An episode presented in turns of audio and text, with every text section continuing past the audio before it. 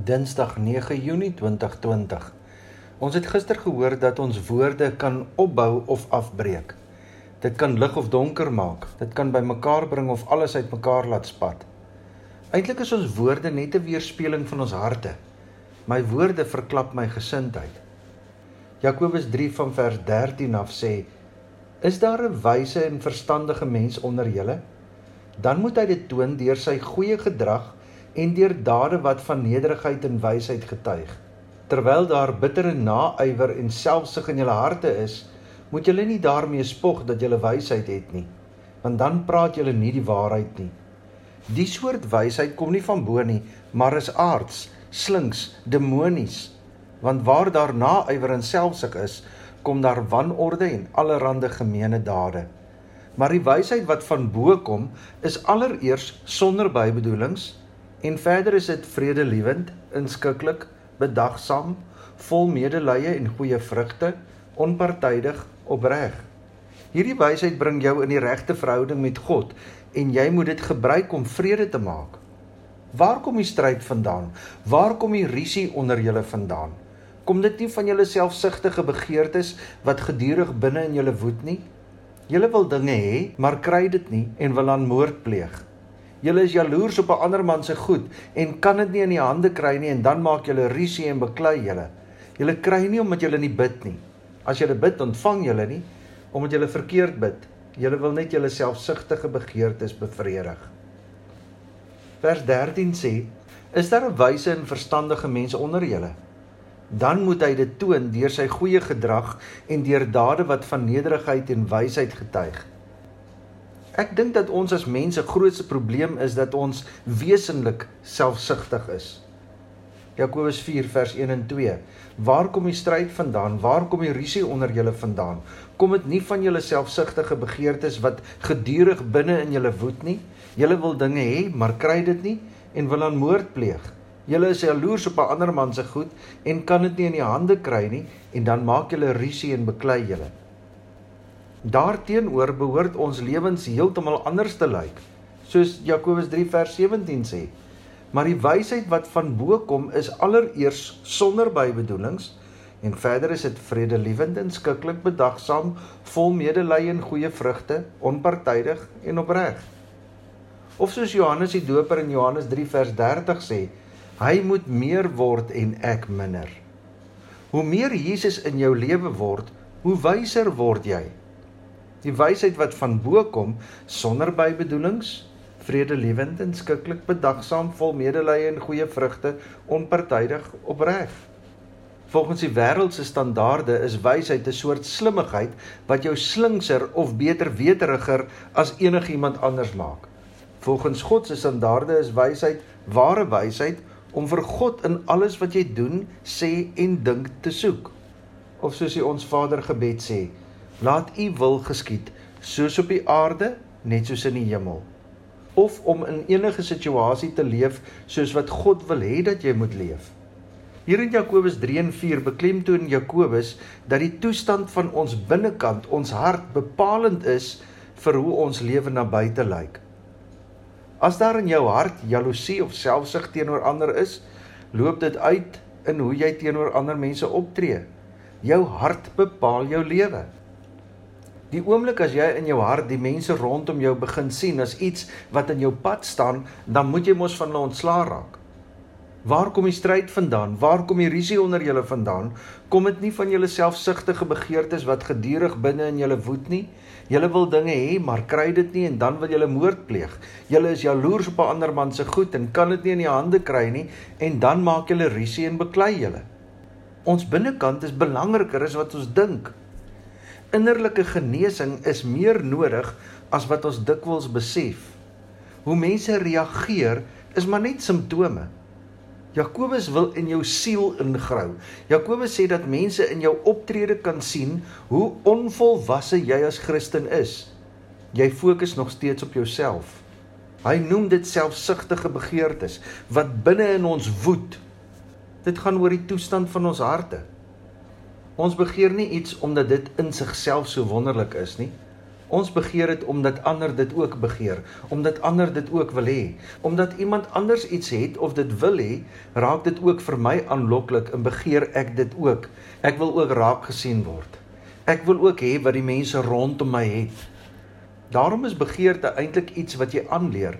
Dis iets wat jy naboots. Dit is 'n ingesteldheid, 'n manier van dink en leef, 'n mentaliteit, 'n toestand van die hart. Jakobus noem hierdie houding vriendskap met die wêreld en dit staan reg teenoor jou vriendskap met God.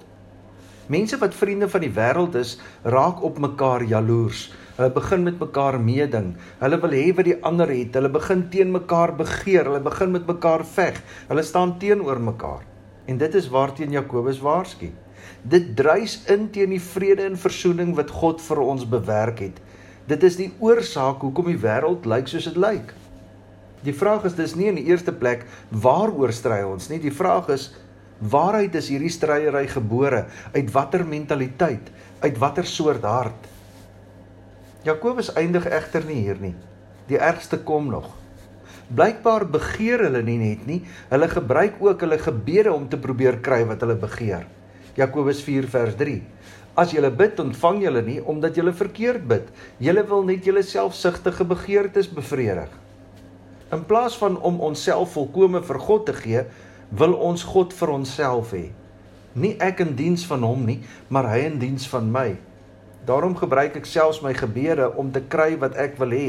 Ook my gebede is baie keer 'n manipulasie. Laat my wil geskied, laat my koninkryk kom, laat my naam verheerlik word. Nou verstaan mens hoekom Jakobus so ernstig raak. Harde woorde gebruik. Julle dwaase, julle dubbelhartiges. Jakobus weet gevegte daar buite het eintlik te maak met 'n skermutseling hier binne.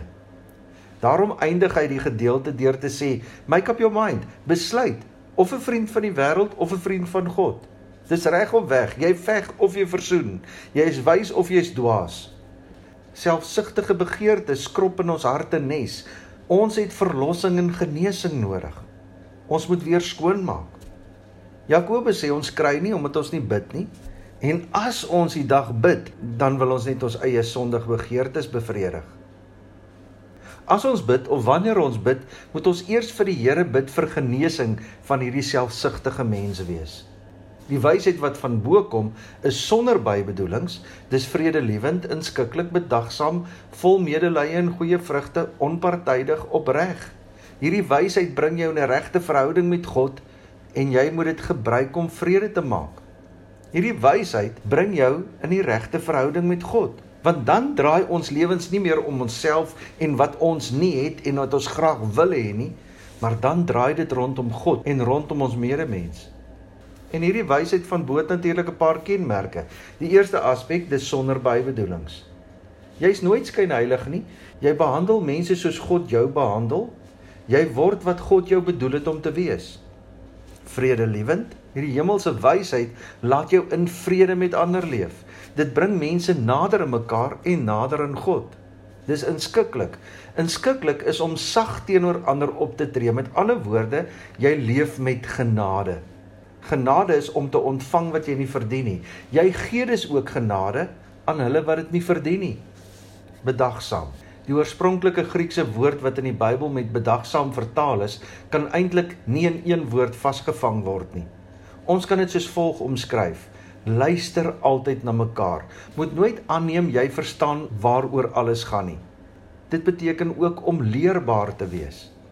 En dan vol medelee. Medelee is om die hart van Jesus te hê, maar dit is 'n werkwoord. Dit is meegevoel wat jou iets laat doen. Dit is nie net meegevoel nie, maar meedoen. Hulle doen graag dinge vir ander sonder om iets terug te verwag. Die een hand weet nie wat die ander hand doen nie. Medelee laat jou stil staan en kyk waar kan jy help. Dan vol goeie vrugte. Dit beteken jy gee prakties om vir ander mense. Onpartydig.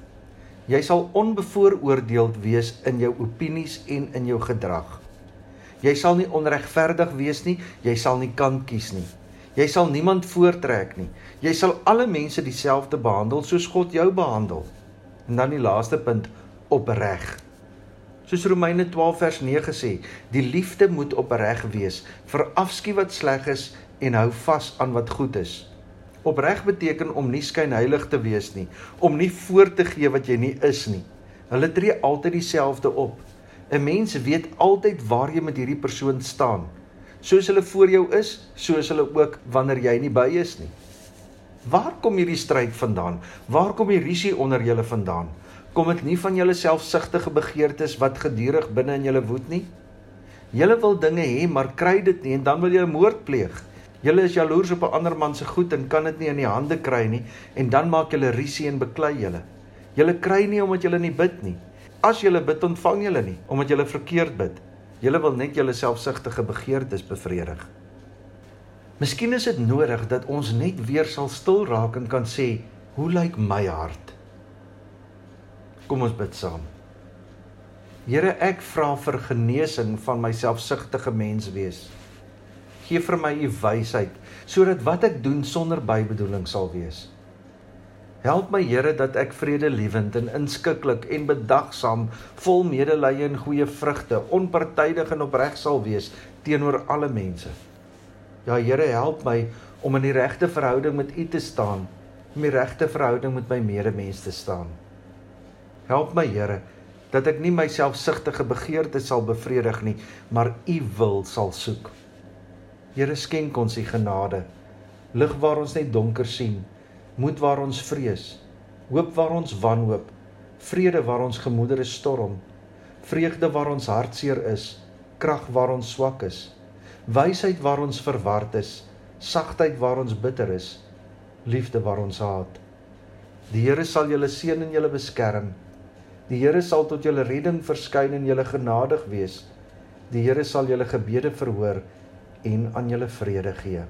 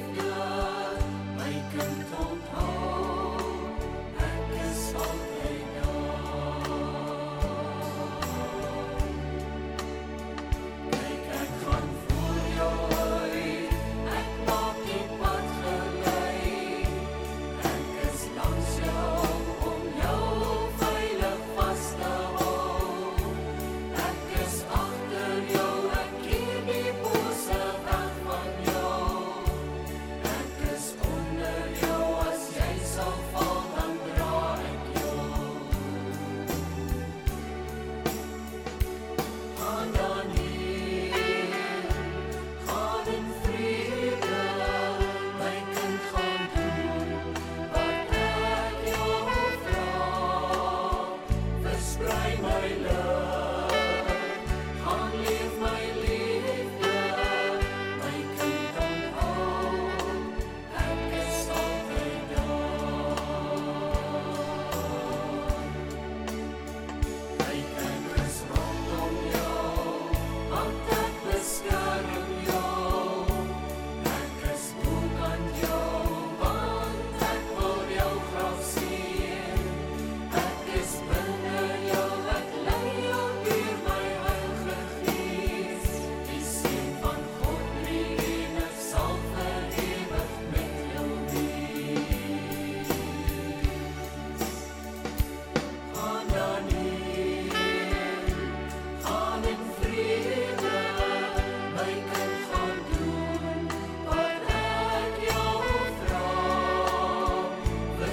my word.